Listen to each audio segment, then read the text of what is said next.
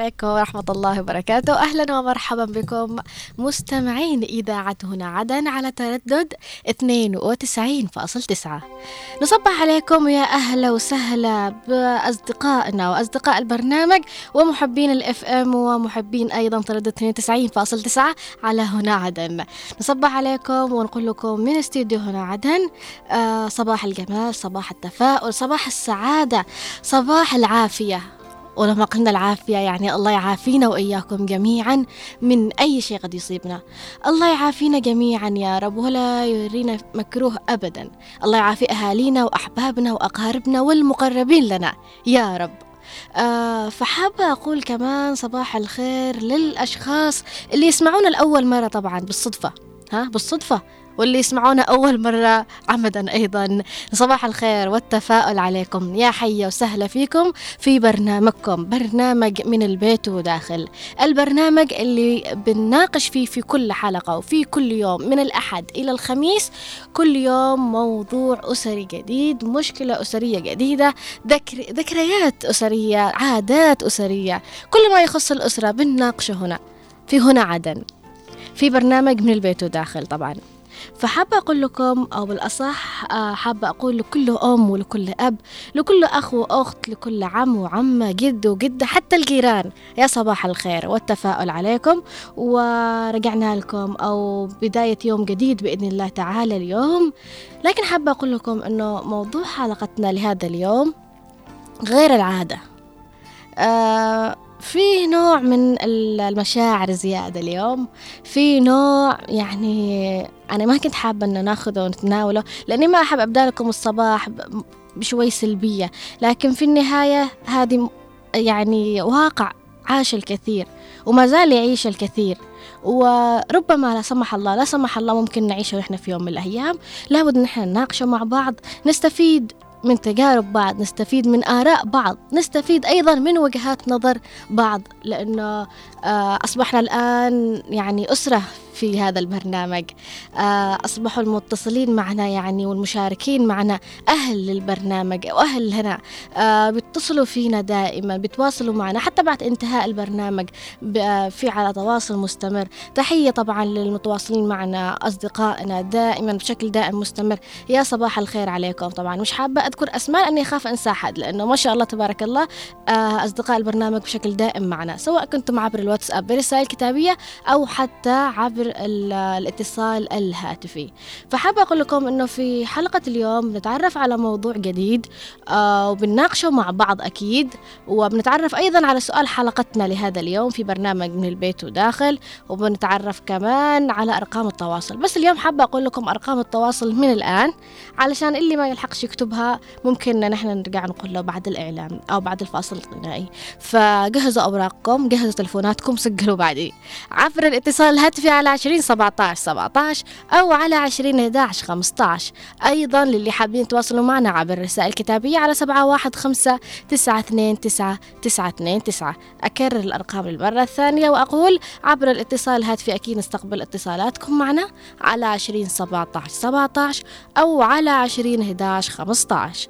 أيضا عبر الرسائل الكتابية في الواتساب. أكيد نقرأ آرائكم وتعليقاتكم على الهواء مباشرة وتشاركها مع بعض على سبعة واحد خمسة تسعة اثنين تسعة تسعة اثنين تسعة. حابة أقول بس حاجة يعني مهمة إنه برنامج من البيت وداخل ما إنه برنامج أسري بنناقش في المواضيع اللي بتحصل في بيوتنا وفي بيوتكم اللي بنعاني منها نحن كأشخاص عاديين دائما بشكل دائم. فلذلك اتصالاتكم معنا دائما هي الحافز أو هي اللي بتعطينا دائما استمرارية في أخذ هذه المواضيع بحيث أنه نتناقشها مع بعض نتناولها مع بعض. مثل ما قلت لكم أنه برنامجنا نحن ما نأخذ فيه أخصائي أو نتكلم فيه عن دراسات أو نتكلم فيه عن أبحاث لا نحن بنأخذه من بيتنا من بيوتكم وبنناقشه مع بعض. نتشارك تجارب بعض نتشارك آراء بعض نت... نت... أيضا نستمع للنصائح اللي ممكن توجهوها لأشخاص آخرين بحيث أنه ما يمروا بتجارب سيئة اللي أنتم مريتوا فيها أو غير ذلك. لذلك حابة أقول لكم خلوكم معنا على تردد 92.9 معكم من الإعداد والتقديم رؤية الثقاف ومن الإخراج الزميل المتألق دائما نوار المدني وأيضا من المكتب والتنسيق الزميل المبدع دائما محمد خليل. صباح الخير يا زملاء. رايحين لفاصل غنائي قصير وثم راجعين خلوكم معنا. الرعب في أفلام السينما بقى دمه تقيل. الرعب في أفلام السينما أصلا تمثيل الرعب في أفلام السينما بقى دمه تقيل. الرعب في أفلام السينما أصلا تمثيل الخوف اللي بجد بعيشه. برا القاعة عفاريت وبتطلع في نهاري. وكمان بالليل لك خوفي أحكي لك خوفي. أحكي لك خوفي أحكي لك خوفي. أحكي لك خوفي من الوحدة ولا المجهول؟ ومكالمة مهمة بتديني دايما مشغول. والخوف على ناس جوا عيوني لا يفرقوني والخوف من طولي وأنا بحلم مقدرش أطول. أحكي لك خوفي أحكي لك خوفي. أحكي لك خوفي أحكي لك خوفي. وبخاف على قلبي اللي أنا غيره بس ما حلتيش. وبخاف لا يكون عندك جوا وتقولي مفيش البطلة في السيما خايفة لا تموت. إنما أنا واقف في مكاني من خوفي لعيش أحكي لك خوفي أحكي لك خوفي. أحكي لك خوفي.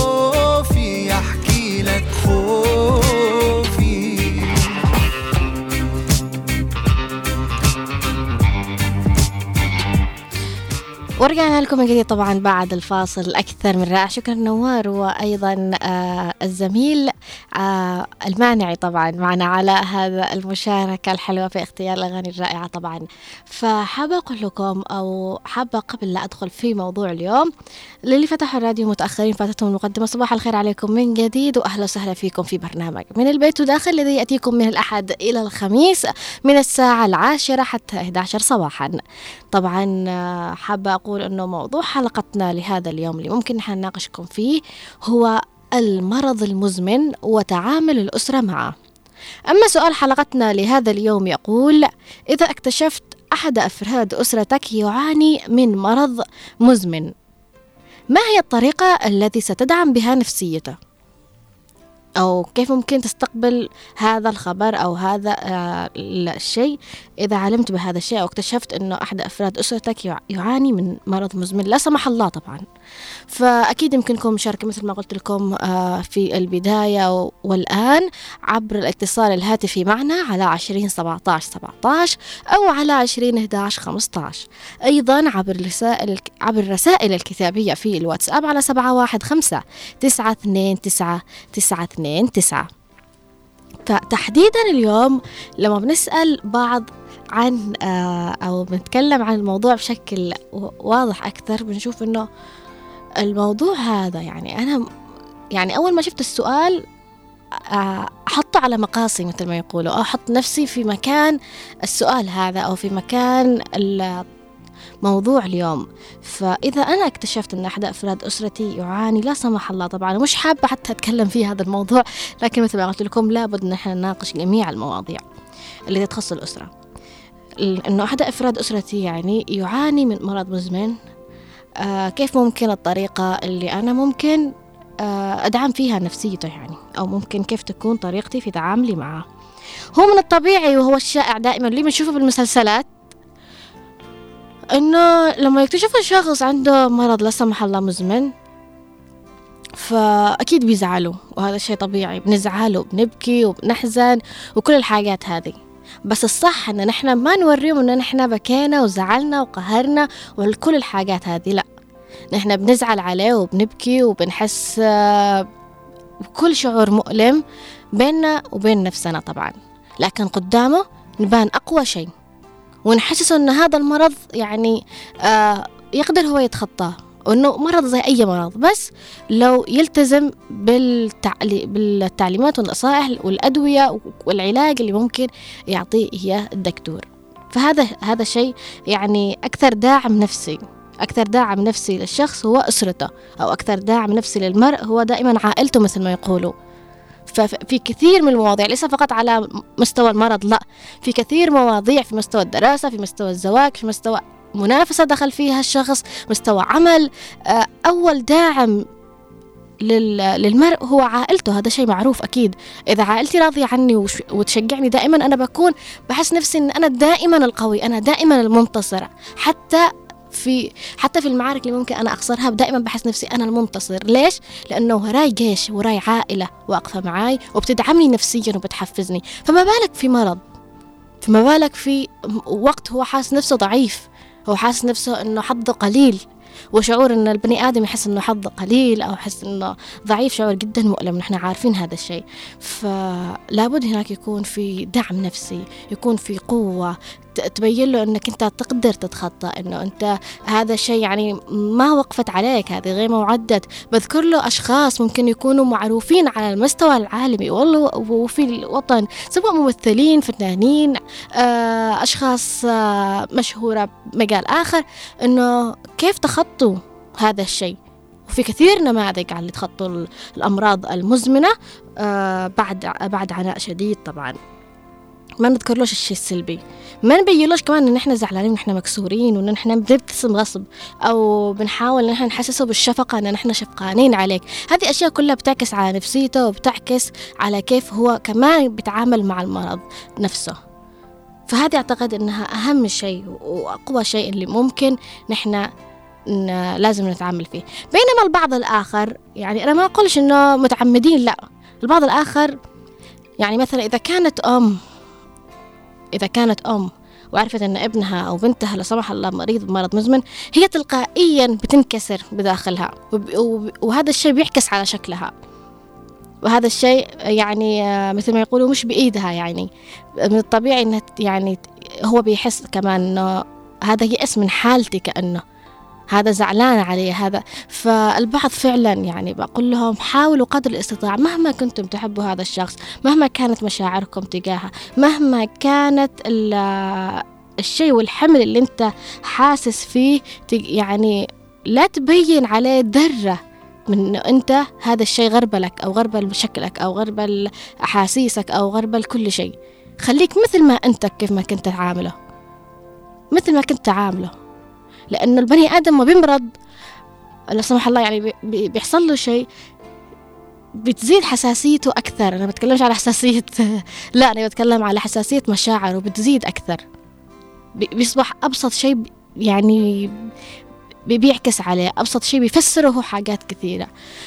ف يعني بصراحة الموضوع اليوم يعني شوي وفي بعض الأسر يعني في عانوا من هذا الموضوع وعانوا من هذا المرض في إحدى أفراد أسرتهم. البعض تخطى والحمد لله والبعض لا زالوا يعانوا منه.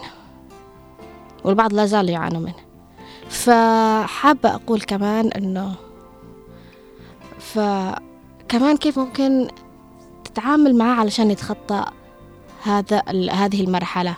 في كثير يعني البعض ممكن مثل ما يقولوا في كثير يستخدموا أساليب معينة بحيث إنه ما يحسسوا هذا الشخص أو هذا المصاب في عائلتهم إنه أنت مريض. بيحاولوا يمشوه يحاولوا يغيروا له جو. اللي مثلا آه، بيعاني من ال cancer وإحنا عارفين السرطان يعني والعلاج الكيماوي ممكن يكون تعبه على شكله وكذا البعض والشيء المعروف عالميا إنه بيتضامنوا معاه وبيحلقوا شعرهم وكذا. فالبعض الآخر كمان في معنا اتصال هاتفي يا صباح الخير. يا صباح الورد والعافية. يا أهلا وسهلا.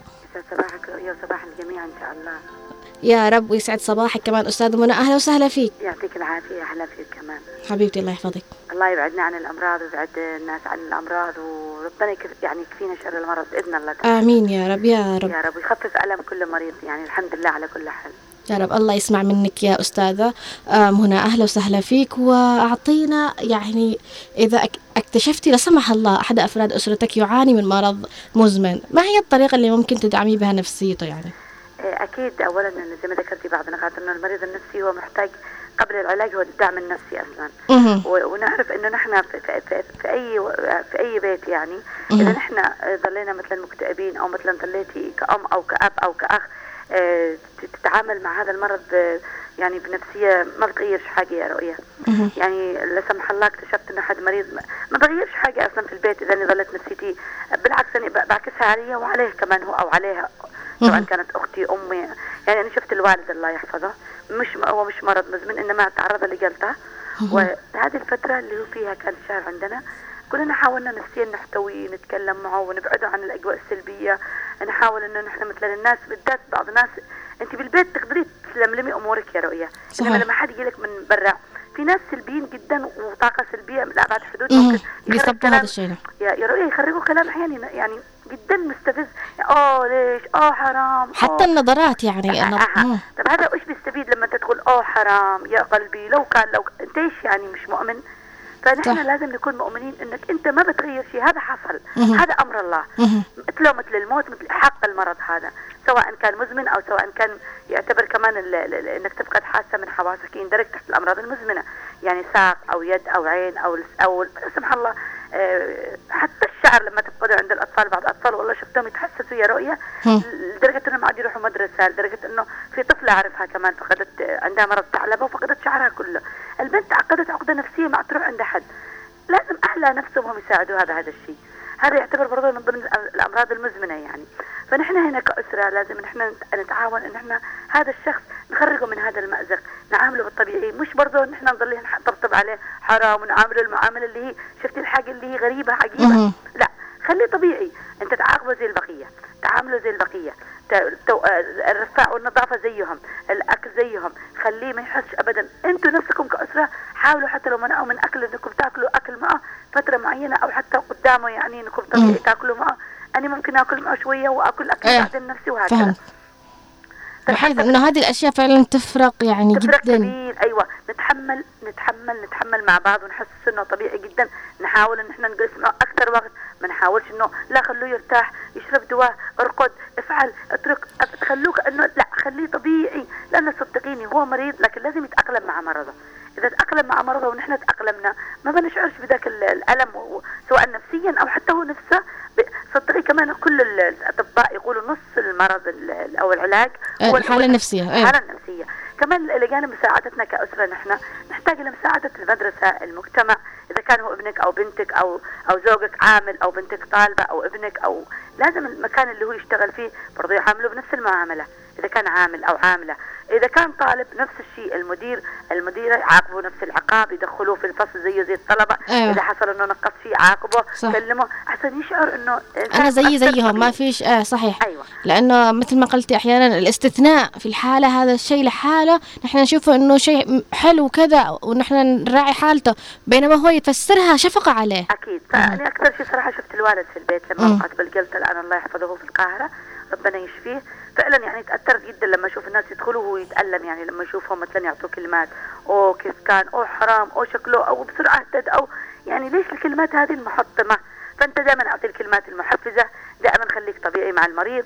وإن شاء الله إني كفيت وسامحوني على الاطاله حبيبتي الله يحفظك شكراً جزيلاً. وسعيدة جدا بمشاركتك كل معنا. مريض يا رب. يا رب بإذن الله جزيلاً. تعالى. أشكرك على المشاركة. واهلا وسهلا فيك أستاذة منى واهلا وسهلا فيك دائما في برنامج البيت وداخل وآرائك الجميلة طبعا معنا. في معنا اتصال هاتفي آخر. ويا أهلا وسهلا صباح الخير. السلام عليكم ورحمة الله وبركاته. وعليكم السلام. يا حيا ويا سهلا فيك. كيف الحال في الثقافة الحمد لله بخير وعافية. ربنا يحفظك. الله يعطيك الصحة يا رب. شوفي بقول كيف الثقافة أهم حاجة العمل النفسي من قبل الأسرة المحيطين حول الإنسان مهم. هذا مهم. لا يرون إنه مريض وإنه ما- كذا ينظروا له نظرة فهنا الوجع الديني يعتبر يلعب دور. شوفي كيف لا يعقدوا هذا الإنسان أمراض من- مزمنة أو أمراض حتى عادية مهم. لأن الأمراض المزمنة هذا الله لا حكمة يمكن ربي سبحانه وتعالى صحيح. في أيوب كم جلس 18 سنة قالوا قال رب لقد مسني الضر وأنت أرحم الراحمين. معناته الواحد اللي يجب أن يحتكم لحكم الله لكن الأسرة اللي موجودين حوله يعطوه المعنوية، المعنويه كيف تلعب دور. صح وهذا شيء صعب جدا لا صراحة. يعاملوا معامله إنه كذا مريض وبعضهم يجي يقول يا أخي مالك كذا انت حالتك كذا ما تجيب لي حالة النفسيه أنت غيرك بتموت أنت مدري ما. والله سبحانه وتعالى الشافي خاصة الأمراض المزمنة. أما الحاجات البسيطة كل, كل شيء بإرادة الله سبحانه وتعالى. صحيح. لكن بعض الناس يقول لك هم المشكلة وما فيها هم يهولوا الموضوع زيادة. هو وحتى إذا كان عند المريض نفسه يعني ذرة من ال- الأمل والشفاء إنه بيتعافى مجرد ما يشوف ردة فعل اللي حوله والتهويل الزيادة بيخليه يزيد حالته سوء. وأنا اعتبر دي هم الأمراض النفسيه هم اللي بدوا هذا فعلاً. يعطوا الشيء المعنويه. لابد أن يعطوا المعنوي الأمل بالحياة. لا. يعاملوا معامله انه كذا معزول ولا خاصة الأمراض المستعصية المزمنه أما الأمراض العادية هذا كلها بإرادة الله سبحانه وتعالى. صح. شكرا الله شكرا لك أنا على المشاركة عم محمد وأهلا وسهلا فيك دائما في برنامجك. وإذاعة يعني أصبحت أنت من المشاركين معنا دائما ومن عائلة من البيت وداخل في معنا اتصال هاتفي. لكن نستكمل قراءة التعليقات. إذا عبر الواتساب من أبو رغد يقول في أول تعليق يا أهلا وسهلا بالمشاركين معنا في الدقائق الأولى طبعا. تحية لكم. يقول أبو رغد السلام عليكم ورحمة الله وبركاته. يسعد صباحكم رؤية الثقافة وجميع العاملين بالإذاعة هنا عدن. مدير قطاع الإذاعة والتلفزيون عبد العزيز الشيخ ومدير البرامج أيضا الأستاذ غسان صلاح والمخرج نوار المدني والأستاذ محمد خليل والمستمعين جميعا. يا أهلا وسهلا فيكم. ولا أنسى تحية للاعلامي أحمد صالح ربيع. يا أهلا وسهلا. لا أنت صديق البرنامج. إذا صديق الإذاعة. فبنستكمل قراءة تعليقه أكيد ولكن نستقبل الاتصال الهاتفي. يا صباح الخير. يا صباح الورد والياسمين. أهلا وسهلا فيك. يا صباح التفاؤل. حبيبتي خالة غانية. الله يسلمك. نورتي. الله لا يحرمنا من هذا الصوت يا رب. كل ما أسمع صوتك أقول الله لا يحرمنا. ولا يحرمني منكم إن شاء الله. ويشفينا ويشفيكم ويرفع عنا وعنكم بحق هذا الشهر الكريم. آمين. آمين يا رب يا رب. وهذا الذي مرض يبتي ابتلاء من الله مه. تمام ولا لا؟ صحيح والواحد ما يموت في ربه وقدره مه. يعني يعني كل يوم بيموت ثلاث أربع مرات في اليوم تمام ولا لا؟ أها. الواحد على الله فهو حسبه مه.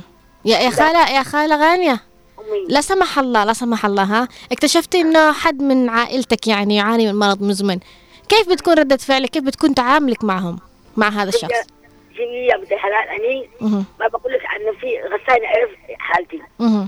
غسان عرف حالتي وقال لي سويت عمليات وسويت وسويت ولا هم أنا والشفاء يعني غير الله ودلع الله يعطيك ما العافية. حد يستكي ما حد يستكي بالخالق بالمخلوق. تمام لا؟ إنما أني عن نفسي مريضة. مه. يعني الانسان اللي قدامي اقويه عني أزيد ما أكون أني مريضة. يا سلام عليك. أيوه يجي يقول لي يا كيف بتسوي دحين؟ أنت قلت لهم ليش؟ هذا الله ودي حكمته. إذا يومي يومي بيوفي يا سلام. ملك بتسوي ملك بتاكلي ملك بتسوي قلت لهم الحمد لله. الحمد لله. تضرني الحاجة تضرني أخلي نفسي. والحاجة اللي يعني اشتياها أكلها وأتوكل على الله فهو حسبي. ما أموت عشان اللقمة ولا بموت عشان العصير ولا بموت بتملك يومك يومك. صحيح. يا يا خالة غانية يقولوا يقولوا لا خاب حامدا. ها؟ لا خاب حامدا وانت حامدة تحمد الله دائما ويعني متقبلة هذا الشيء و- وقوة إيمانك يعني الله ما بيخيبك ابدا. الحمد لله. أبو الحمد عيالي أبو عيالي مرض. مه. الله يرحمه الله. يرحمه. يعني مرض ودنا القاهرة. يعني وتعالجنا وسوى كل شيء. وأنا أقويه أقول له أنت في بقى زكمة أنت من المكيف. يعني ما حاولش إني أضغط عليه من الأمراض. مه. تمام لا؟ صحيح. يقول لي أحس لا أقول له سبق المعدة طيب إذا كان عنده ذبحة وأنا أقول له بالعاني سبق المعدة يعني أنا أقويهم أكثر مما أحد يقويني. الله يعطيك العافية يا خالة غانية. ك- كبير. والحمد لله. توكل على الله وحسب وأنا أقول بس في ناس بعض الأحيان أيوة صح عندهم حل نفسية يكون عندهم في باب حمى يقول له بيوك كورونا. ولا بيكون في باب ولا ولا يعني يهونوا بقى المرض مرض. صحيح يهولوا كثير. وهذا التهويل يعني يزيد المرض ويزيد الحالة سوء. حالة نفسية صح. وأنا الحمد لله الحمد لله. متكلة على الله الذي قسم لي ربي ده كان يبغى قاعدة وقاعده مه. الحمد ربي وشاكر على ما قسم. بني يقولوا يتكلموا يا قدا في بي في بي أنا قالتهم أقول له هذا يمكن ما اكلت يمكن لما سويت يا سلام عليك. ما حد أيوه ما حد يعني إنما ان الإنسان عنده إيمان بالله وقدرته لازم يقوي نفسه ويقوي اللي بعده. الله يزيدك إيمان يا رب و ونجيكم إن شاء الله ويرفع عنا يا رب يا رب ويعطيك الصحة والعافية بإذن الله تعالى. يا رازع الأرض باسط رازع السماء وباسط الأرض. أرفع كل مريض من, من, كل وباء ومرض. آمين يا رب أشكرك. آمين يا رب. آه الله يتقبل منك يا رب وأشكرك على المشاركة. وهي نموذج للامرأة ال- القوية والامرأة يعني الله يزيدك إيمان بإذن الله تعالى. وأهلا وسهلا معنا اتصال هاتفي آخر. يسعد صباحك يا ريا وصباحك يا حيا وسهلا بعوض وتحية لكل المتصلين اللي سبقونا يرسلوا منها وعم محمد علي وخالد غانم. متأكدة أن يعني تحيتك وصلت أكيد بأنهم يسمعونا دائما. والله يا أستاذ رياض يعني في ذكرت موقف أنا قديم يعني أيام ابتدائية. مه. كان في زميل معي بالمدرسة كان عنده ثقب بالقلب. هو اللهم انه يعني سافر وانه بس هذيك الأيام كان يتعب من الطابور يعني كان ما يخلوه يروح الطابور. يدخلوا الفصل. كان يشعر بحزن. أكيد يحس أنه يعني أيوة، بعدين كانت تجلس عنده واحدة من المدرسات بلغت المربيه. قال له في طالب يجلس داخل. يعني في طلاب ده قال له لك تعبان والثاني إيش معه؟ قلت فهمتني يا بعدين. قلت لها يا ست أنا ست ألطاف الله يذكرها بالخير زي هي. قلت لها يا ست أنا بكون اجلس عنده يعني ما بخش طابور. عشان ما يحس أنه هو الوحيد اللي ما ما يحضرش والله الطابور كان يشعر بحزن لما نخرج طابور أو نلعب كبه كنا نجلس نلعب أنا وهو دامه مه. نلعب يعني مش كلهم اشياء حاجة. يعني ما كنا ما نحسده قلنا إحنا أطفال. ما نحسه إنه يعني شيء ناقص له أو آه، صحته ضعيفة. فكان مرتاح والله العظيم. هو من طبيعي بالطبيعي بيحس إنه هو مختلف أو هو مثير أيوة. للشفقة. مرتاح لما لما جلس معه داخل الفصل في الطابور مهم.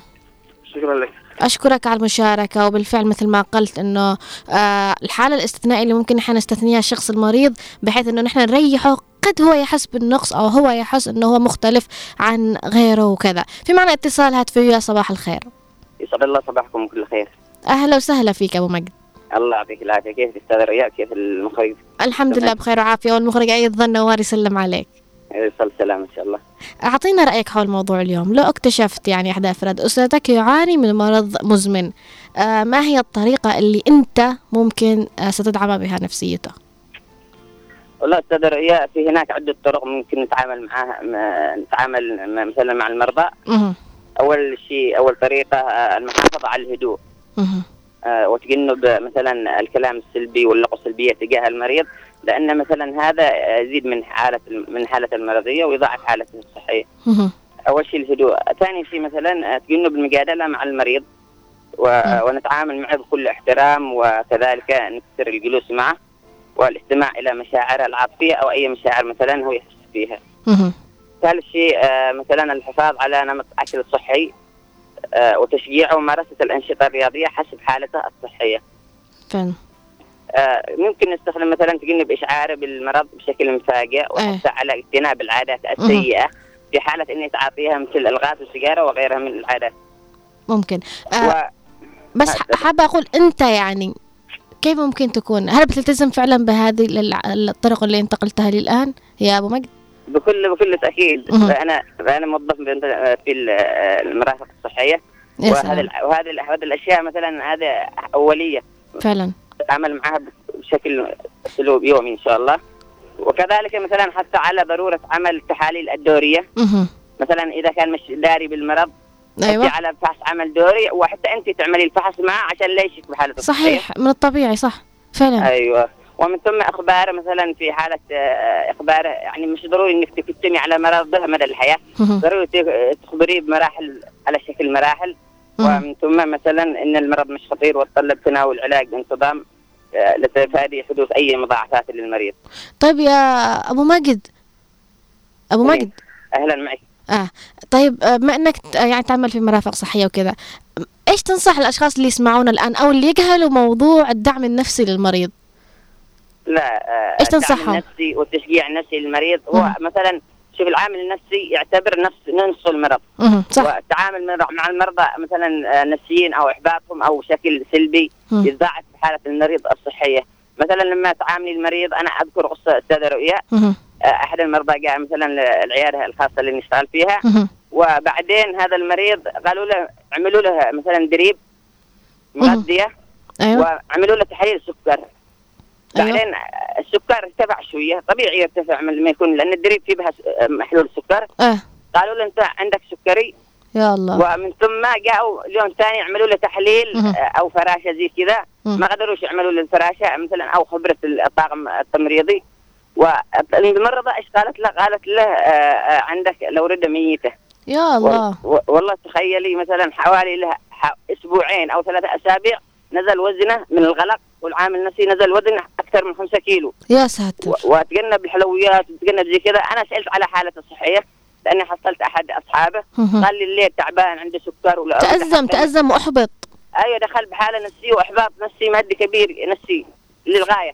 المهم قلت له جيب لي المريض. أجى على المريض قلت له إيش في؟ إيش فيك قال أنا عندي لورده ميته وعندي سكري زي كذا.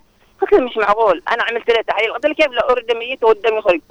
هو قال كذا كلمتني الممرضه أنا أتحفظ على ذكر المستوصف للاسف. الشديد والحمد لله عملت له تحليل وطلع الهب- هبوط في بالسكر من عدم تناول الحلويات زي كذا. وحسيته والحمد لله والله رجعت حالته الصحية فل 100% والحمد لله الحمد والآن- لله الحمد لله هذا يا أبو مجد يدل على أنه الحالة النفسية قد آه، تزيد المرض سوء وقد ها. تعافي اللي هو مريض وأكثر أكثر ما شاهدناها بحالات كورونا. الناس في بها زكام مجرد زكام وانهار ويجي لهم القلق إنه كورونا وإنه ممكن يموتوا آه وإنه وهي وهي مجرد نزلت فيروسيه نزلت زكام زي كذا. وأذكر اثنين إخوان دكاترة تخيلوا والله من القرية من رجفان مهم. من مديريه رجفان مهم. آه، الأسبوع الأول مرض الأخ مختبري طبعا مختبري. آه وجلس حوالي كذا أسبوع. مهم. وحس بالكدمه أيام كورونا يعني آه، مرضه. ومن الغلق توفي. بعد أسبوع أخوه مرض جاء له حمى زي كذا قال أنا في بكورونا وتوفي بعده. والله مأساة شديدة جدا والله العامل النفسي الله يرحمهم يا. رب. وبالفعل آه، أشكرك على المشاركة. أبو ماجد يعني أعطيتنا آه، يعني تجارب واعطيتنا شيء أنت شاهدته بالفعل على أرض الواقع إنه آه، نصف العافية قد, قد تكون من الحالة النفسية بالفعل. إذا كانت حالت حالتك النفسية آه، مستقرة وفي عندك تفاؤل في عندك قوة كل ما تخطيت كل شيء مش بس الأمراض لا بتتخطى كل حاجة. كل ما كانت نفسيتك مرتاحة. فعشان كده دائما آه، ركزوا أكثر على وفتشوا على الأشياء اللي دائما تجعلكم متفائلين سعداء دائما. فنستكمل قراءة التعليق عبر الواتساب ولا معنا اتصال؟ نستكمل أيضا قراءة التعليق. يقول بالنسبة لموضوع اليوم أبو رغد عن الأمراض المزمنة الحمد لله لا يوجد أحد في أسرتنا يعاني من هذه الأمراض التي ترافق الإنسان لفترة طويلة وجميع الأمراض هي مقدرة تقديرا إلهيا من عند الله. البعض منها يطهر بها العباد من ذنوبهم والنوع الآخر من الأمراض كما يسموها الع- الع- العلماء أمراض الخروج والتي بها الله يخرج العبد من حياة الدنيا إلى حياة الآخرة. وكل ما يأتي من الله خير للناس ورحمة.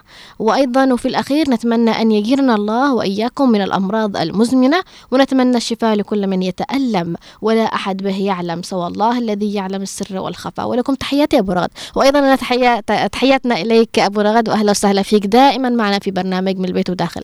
في معنا اتصال هاتفي. يا صباح الخير ونستكمل بعده قراءة كيفك؟ الحمد لله بخير وعافية. حيا سهلا الله يسلمك ويعافيك. ها خير إيش آه سمعتي موضوع حلقتنا ولا لا؟ إيش؟ آه الموضوع الحلقة. أو بالأصح سؤال أنا ما سمعت لأنه ما فيش راديو ما آه سمعت. okay okay بعطيك أنا سؤال. الحلقة ها. يقول إذا اكتشفت أحد آه أو أحد أفراد أسرتك يعاني من مرض مزمن الله. إيش هي الطريقة؟ يعني لا سمح الله طبعا. الله الله يحيي عليك وعلينا وعلى امة محمد اجمعين آمين يا رب. إيش الطريقة اللي ممكن تدعمي بها نفسيته؟ أو كيف هي الطريقة اللي ممكن يعني تتعاملي مع حالته؟ يعني المرض هذا المرض. أيوه المرض الإنسان إيش بيسوي؟ تعاملي مع مين؟ مع ناس يعني اللي هم لا يساعدوا حد. فهمني؟ الإنسان الواحد عامل الله والله الشافي والعافي فهمني؟ طيب والدكاترة يزيدوا زي زيادة حتى لو في بك حاجة بسيطة يقول لك مرض كده كده آه أنت أنت مثلا لا سمح الله عرفتي حد من أسرتك إنه مريض بهذا المرض أو أي مرض كان مهم يكون مرض مزمن فأنت كيف ممكن تتعاملي مع, مع الشخص المريض يعني أنا شوفي أنا إيش الطريقة اللي ممكن تدعمي بها نفسيته علشان يتخطى هذا الشيء أيوه شوفي أنا بقول لك. أنا في مرض سكري. مزمنة. يعني قدني في بي مهم. تمام بس أنا بيني وبينك ما فيش عند دكاترة أشتري معي هذا قد الدكتورة. كتب لي الدواء هذا استعمله. خلاص ما أقدرش يعني لو زاد زاد ديمي كده فارد وديمي كده مكسر وأحس كم الشوك وده يعني يكون زايد السكر إيه ابحث يكون يقول يعني 250 300 زيد. إيه. و- أيوه. لما ينقص نقص 120 130 تمام. إيه فهمت. بس أنا ما فيش عند دكاترة يا ماما نفتاري الا ان الدكاترة يجيبوا فلوس يشتوا فلوس. حق الدخلة والخرقة ودا والأدوية. هذه الأدواء ولا بس لا فيتامينات بس. ما أشرب أي حاجة. لو أني في بي حمى لو أني مريضة الله يخلي البنادون الله يخلي فوقها دي الأيام يا, يا, في في حد من أسرتك يعني يدعمك نفسيا مثلا ولا في إيوه في. أختي كانت تروح عند الدكاترة. حتى اول أمس راحت تفحص تفحص يعني حالة نفسية. بس إنسان يعني اللي يولف على المرض هذا تكوني انت تكوني بخيرة تكوني يعني حالة نفسية تروحي تفحصي تشوفي نفسك إيش زاد الدم نقص الدم ولا في بك قرتومة بال. فعلا لا- لابد إنه البني آدم بالفعل حتى يعني ال- الفحص ال- الدوري هذا شيء مش بس على يقتصر على المرضى لا كمان الأشخاص السليمين اللي زينا آه، يجب عليهم دائما أن يقوموا بفحص دوري. فحابة أقول لا تستهينوا بهذا الشيء. أشوف الكثير يعني ما بيفحص إلا وقت ما يشوف نفسه مريض. في معنا اتصال. طبعا في آه، معنا قراءة تعليقات وحابة أقول بس شكرا لجميع المتفاعلين معنا وفي معنا اتصال هاتفي أهلا وسهلا. أهلا فيكي صباح الخير رؤيا. صباح الخير والعافية. معك لطيفة فائد يا أهلا وسهلا بلطيفة. اليوم حبيت أشارك عبر الاتصال لأنه الموضوع جدا حلو. حبيبتي الله يحفظك واتصالك كمان يعني بنا آه شيء جدا حلو. وتحياتي للمخرج المبدع نوار بابر أيضا. آه ونوار أيضا. يرسل لك تحياته يا أهلا وسهلا فيك. آه، وعن موضوعك اليوم. أنا أعاني من هذا المرض أنا شخصيا. يعني قبل سنتين أصبت آه، في حادث وفقدت بصري الله يعطيك العافية يا رب. إن شاء الله الجميع. وبرضه من ناحية الأفراد آه، والمجتمع الذي حولي. كلهم كانوا أشخاص محبطين وي- ويجيبون كلمات يعني سلبية كثيرة. أهلك أهلك أهم شيء أهلي كانوا داعمين لي ولكن أنا دعمت نفسي أكثر من من حولي يعني. أنت عارفة ليش دعمتي نفسك؟ لأنه كيف؟ أهلك دعموك. لأنه أهلك دعموك أنت دعمتي نفسك.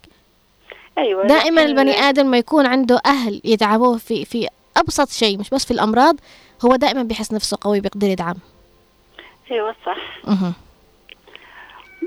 وكيف الآن حالتك يعني؟ في تحسن؟ لا والله ما يعني. ولكن لن نيأس يعني لا حياة مع اليأس ولا يأس مع الحياة لازم نكون متفائلين لكي نلقى ما نريد الدكاترة يا لطيفة هل أعطوك يعني آه أمل أنه يعني ممكن أنت تتعافي مع آه طريقة علاج معين إلى لا والله كانوا محبطين جدا سلبيين أكثر من المجتمع الحولي هنا عندنا الدكاترة صح؟ أيوة قالوا. لي لو تسافري الخارج ولا أي مكان ما فيش فايدة ولكنني ما بنتظر لكلامهم. الله فوق كل شيء يعني. أكيد الله فوق كل شيء. وعلى فكرة ما فيش حاجة مستحيلة يعني. اللي أيوة، اللي كانوا ينتظروا الأطفال من 15 سنة رب العالمين رزقهم طفل بعد 15 سنة. في أشخاص آه، فقدت الأمل بكثير أشياء. في أشخاص تعافت يعني فجأة بدون أي علاج بدون أي جهد. رب العالمين قادر على كل شيء فعلا. الحمد لله شفت في تحسن في. عين واحدة هم قالوا لي مستحيل ولكن شفت فيه فائدة الحمد لله وبسافر إن شاء الله ويا رب ألقى العلاج إن شاء الله. صدقيني في تحسن بإذن الله تعالى. والمعذرة على أول مرة أشارك فحس ما قدرت لا دي أول مرة كلامي. وأحلى مرة على فكرة. يلا تحية ولا تغيبيش علينا وكوني صديقة معنا دائما. إن شاء الله يلا حبيبتي ربنا الله يحفظك يا رب ويعطيك العافية بإذن الله تعالى. وحبيبتي الجميع الله يحفظك. وشكرا للمتفاعلين معنا دائما لا مستحيلة لا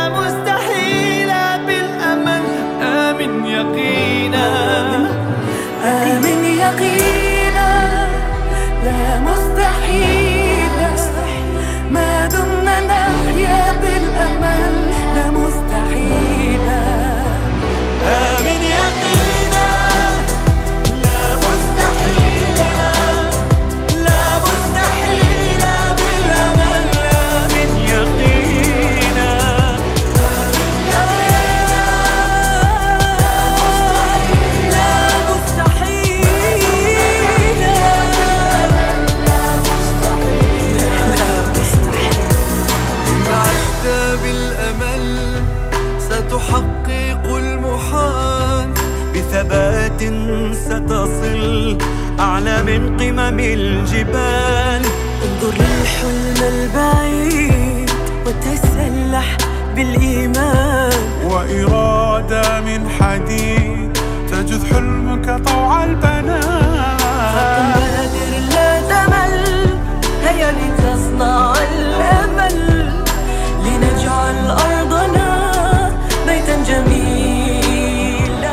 ورجعنا لكم من جديد. قم بادر لا تمل كي نصنع الأمل. بالفعل. آه، حابة أقول كمان تعقيب بس على لطيفة أنه بالفعل في آه، شخصية أعرفها بالفعل يعني على أرض الواقع. يعني أنا ما جبت الكلام من عندي ولا هو خيال هو حقيقة بالفعل. ودائما على فكرة الخيال والتأليف دائما بيأتي من الواقع لأن الواقع حقيقي نحن نعيشه. فقصة أنه في شخص تعرض لحادث بالفعل وفقد آه، أو بالأصح ما قدرش يمشي. وكان يروح لأكثر من دكتور يقولوا له آه، مستحيل ترجع تمشي مستحيل يعني زي يقولوا يعني لا تتعبش نفسك إنه ما فيش أمل إنك تمشي. ففي فترة من آه، أو في مرة من المرات آه، حصل معهم كذا حدث في البيت يعني هو انبسط كثير انبسط كثير يعني. وهذا الشيء خلاه يعني حتى أصابعه ما كانش قادر يحركهم. فتحركت أصابعه دون يعني بشكل مفاجئ. فأهله فرحوا لما شافوا إنه في أصابعه تحركوا وهم كانوا فاقدين الأمل إنه حتى أصابعه تتحرك. فسفروه بالفعل ولما سفروه قالوا أكيد في له علاج. ومع الممارسة ومع العلاج الفيزيائي وكثير أشياء وتمارين رياضية عادي يمشي من جديد. ف يعني عافيتنا موجودة والحلول دائما موجودة. البشر هي اللي ممكن تصعب ال- الأمر علينا دائما. تتدخلوا في شيء. حابة أقول كمان الدكتور اللي هو دكتور آه رب العالمين كمان يعني هو أخذ العلم والقدرة اللي أعطاها يا رب العالمين واستقلها في في عمله في هو ما طلعش فجأة دكتور لأنه مثل ما قلت لكم ما في شيء مستحيل. فعشان كذا كمان ما ناخذ كلام الإنسان كأنه قرآن. رب العالمين رب المعجزات دائما. فنستكمل قراءة التعليقات معنا. من عوض العبيدي يقول ألف ألف تحية للمتصلة لطيفة ما شاء الله تبارك الله عليها. قوية وعندها معنوية. نتمنى تكون صديقة البرنامج. بإذن الله تعالى. وشكرا لك يا آه، عوض العبيدي. أما الأستاذة منى شاركت معنا طبعا عبر اتصال هاتفي لكن آه، حبت أنها تشارك معنا تعقيب في الواتساب. قالت يسعد أوقاتك رؤيا حابة بس تخبري الأخت لطيفة. تتواصل معي إذا حبت لأني أعرف أماكن بروسيا لعلاج للعلاج مثل هذا المرض وأعطيها رقمي. وتحياتي لك. يا أهلا وسهلا فيك أستاذة منى. وأشكرك على المشاركة وعلى إنسانيتك معنا دائما فأكيد بعطيها. أما أم حمزة تقول صبحك الله بالخير والعافية. إذا حصل لا سمح الله لا قدر الله عليك أن تذكر المريض دائما تذكر المريض دائما بقول الله إذا مرضت فهو يشفيني. فعلا. أشكرك أم حمزة على المشاركة وأهلا وسهلا فيك. بشرى عبد العزيز معنا في تعليق تقول أيضا السلام عليكم ورحمة الله وبركاته. كيفك رؤيا؟ صباحك سعادة من وجهة نظري. عن موضوع الي- اليوم يجب التعامل مع المريض بشكل عادي وعدم المبالغة التي تجعله يشعر وكأنه محاط بناس فقط يشفقوا عليه. بالفعل شكرا لك. وإذا تواصل تعليقها وتقول أعرف أحدهم كان يعلم بأن أخاه مريض بأحد الأمراض الخطيرة ورفض أن يحدث الآخرين بمرضه وتركهم سنين طويلة إلى أن إلى أن توفى أخاه. وعرفوا الأهل بعدها وبدأت الملامة. قال لهم لو كنتوا عرفتوا قبل كذا لحسستوه بضعفه وقلة حيلته. حبيت أنكم تعطوه دافع بتعاملكم العادي معه دون مبالغة. أشكرك يا بشرى على المشاركة وعلى النموذج اللي شاركتينا فيه بتعليقك. في معنا اتصال هاتفي. يا صباح الخير. صباح النور. يا أهلا وسهلا. أهلا وسهلا فيك يا أم هدي الحمد لله. حبيبتي الله يحفظك. آه، الله يحفظك إن شاء الله. أعطينا مشاركتك يا أم هدي حول موضوع اليوم. ألو؟ آه أم هدي أيوة. آه، أعطينا مشاركتك حول موضوع اليوم. موضوع المفروض يعني الأه- الأهالي يشجعوا ال- أ- أولادهم. مهم. المرضى اللي معاهم. أنا معي بنتي. عندها صرع لا شحنات. أها. يعني هي تقول متى يعني بشافني متى الله. أقول لها إن شاء الله يعني ربي بيشفيك ربي بيدي أنت بس تواصلي بالعلاجات تواصلي بالهذا. الله يعطيها العافية يا أم. هدي كم عمرها؟ عمرها دحين 18 سنة. الله يعطيها العافية وطولة العمر يا رب. بسم الله. وهي من عمرها أربع سنين الصراحة فيها حادث. بعدين وديناها عند دكتور. قال ما يعني عملنا لها التخطيط حق الدماغ وحق أيوة. قال ما نصلح بس أي حاجة يعني بال بال يعني لما تكبر. يعني خلص خليناها على ما على ما قال الدكتور لما تكبر ما يصلح بس أي حاجة. لما ينبسط لما هي عمرها سبع سنين. أيوة. يعني أنا بداية مدرستها. دوخت دخلت المدرسة. أيوة. بعدين وديناها عند دكتور نفسه. عمل له تخطيط عمل له ده قال عندها طراش إحنا قلنا جب قتلنا ما يصلح بش أي حاجة. ما نعمل يعني ما بتسافر ما في بش أي حاجة. وده بس حاجة خفيف وده. جربتوا تودوها عند دكتور آه ثاني؟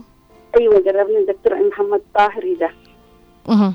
آه، بعدين قال هذه الصورة يعني بقى عندها شحنات طول عمرها واعطيناها علاجاته والحمد لله دحين الحمد لله في تحسن أيوه الحمد لله ماشيين على علاجات وماشيين على كل حاجة إن شاء الله طب الد- الدعم المعنوي دائما تقدموا لها دعم معنوي فعلا؟ أيوه أيوه. يعني هي تذبح من العلاجات لأنكم مساعه آه من طبيعي تذبح لأنها بتشوف هذا يعني العمر كله أصلا أكيد أكيد بتمل وبتذبح و... وبتحاول تغالط أحيانا بس كمان الدعم المعنوي موجود. وهذا أيوة. أهم علاج. أيوه. الله يجبرك بعافيتها يا رب يا أم هدي إن شاء الله. ضبحت أنا من العلاج ضبحت.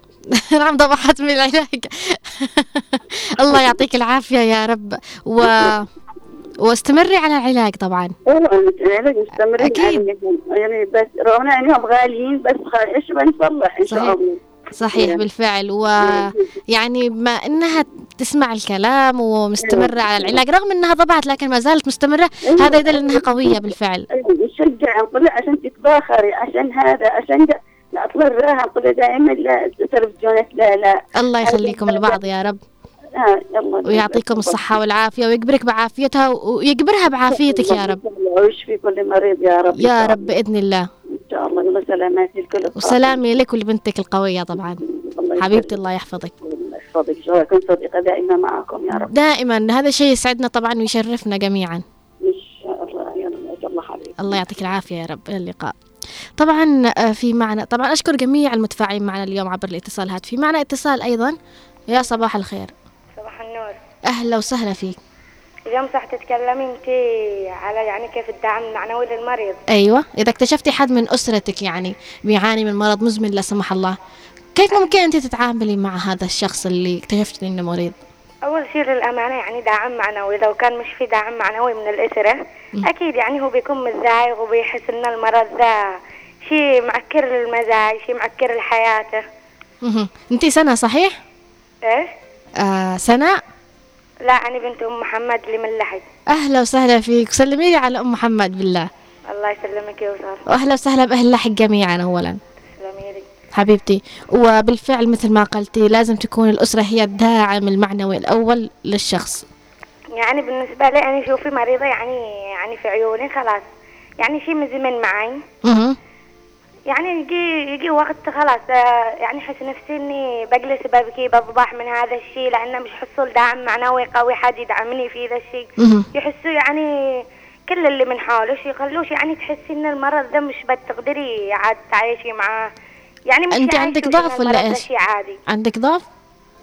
عندي ضعف نظر يعني ش... يعني شديد ما عادش باقي إلا نص نظري. بتتعالجي لابسة نظارة؟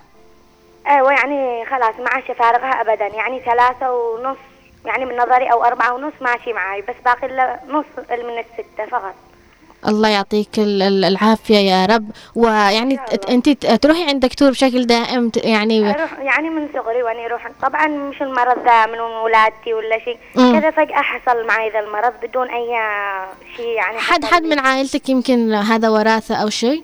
المشكلة كل ما أروح عند دكتور ولا شيء يقولوا وراثة ولا حد في الأسرة في بوم كذا. لو كان يعني شيء وراثة كان بيقع بي من صغري قالوا ولا شيء لكن فجأة طلع بي. أه- أهم شيء العائلة تعطيك دعم معنوي بهذا الشيء. الحمد لله الحمد يعني لله. يعطوك دعم بس الأمانة تحسين نفسك أحيانا ضباح ضيق لأنه مش حد يعني كذا وهم مش يعاملوش بكل شيء غير أسرتي يعني أصحاب الأسرة. غير أصحاب الأسرة كلهم ما يعاملوش طز بالطبع. طز. بس الحمد لله يعني أهم شيء أسرتك. من أهم شيء يعني أنت كمان تحبي نفسك. عادي. أهم شيء أنت كمان تحبي نفسك ها؟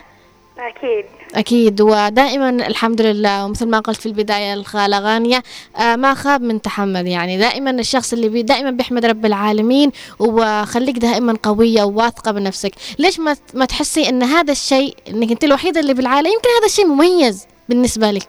يعني لما أجي أحيانا اتكلم كذا مع نفسي أشوف إن هذا الشيء عادي يعني تقبل عادي فعلاً. عادي.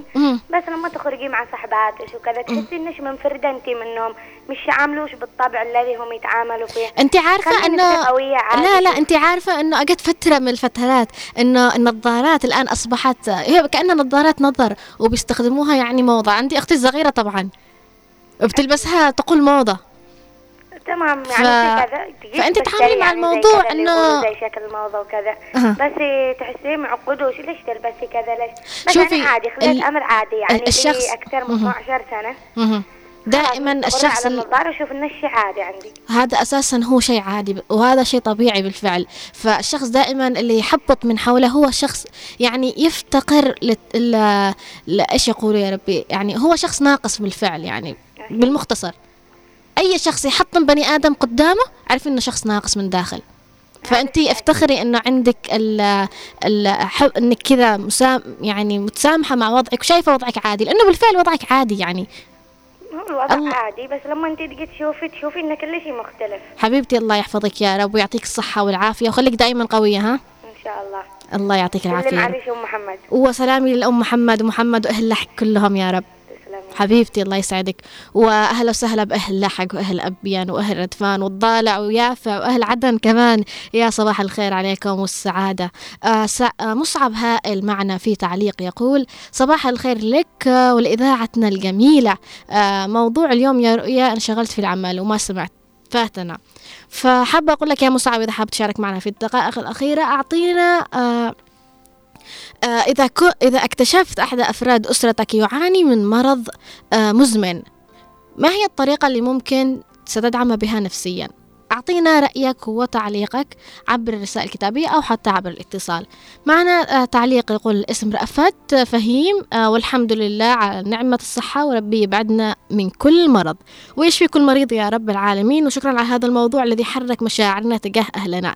آه، وصباحك خير وسعادة للجميع. الله يعطيك العافية يا رأفت وأهلا وسهلا فيك.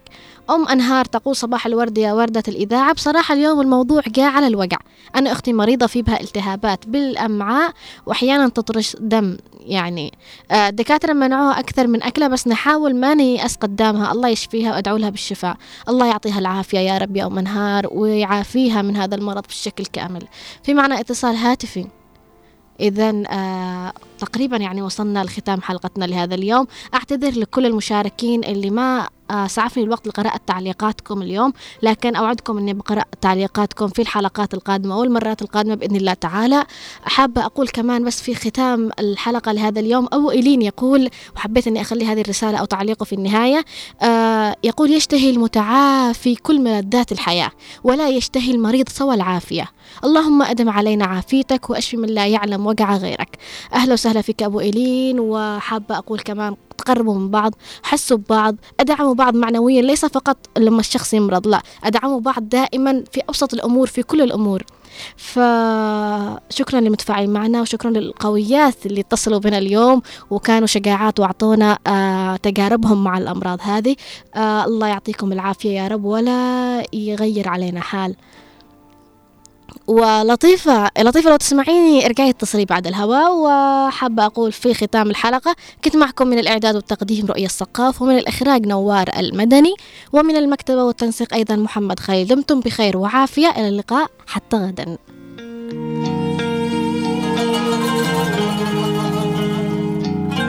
تقدر تعمل كل حاجة ولا يهمك.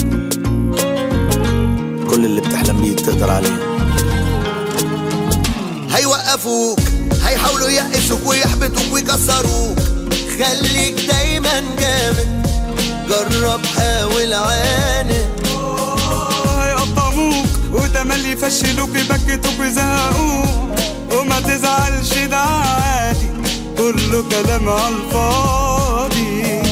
لو غرقوك قوم. لو وقعوك قوم صدقني في يوم بعزيمة وإرادة. تقف تاني كالعادة. في جواك سوبرمان أحلامك بالإمكان وعشان أنت بطل من جواك. في حلم بيستنى